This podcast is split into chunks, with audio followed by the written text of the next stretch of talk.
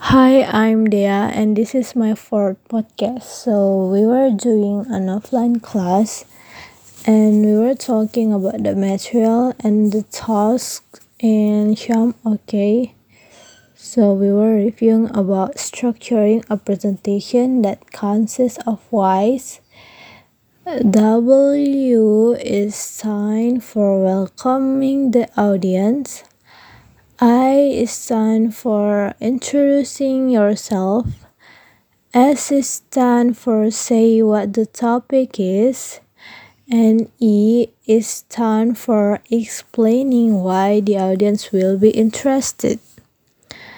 And also, this material talking about explain the table of content of your presentation, tell about the duration of our presentation, and we're also talking about dealing with nervousness, such as we have to prepare well, know your audience, check out the room, and it is okay to feel nervous during the presentation, but we have to know how to handle it.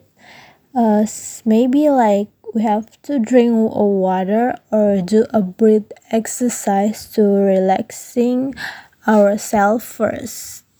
So that's all for me. Thank you.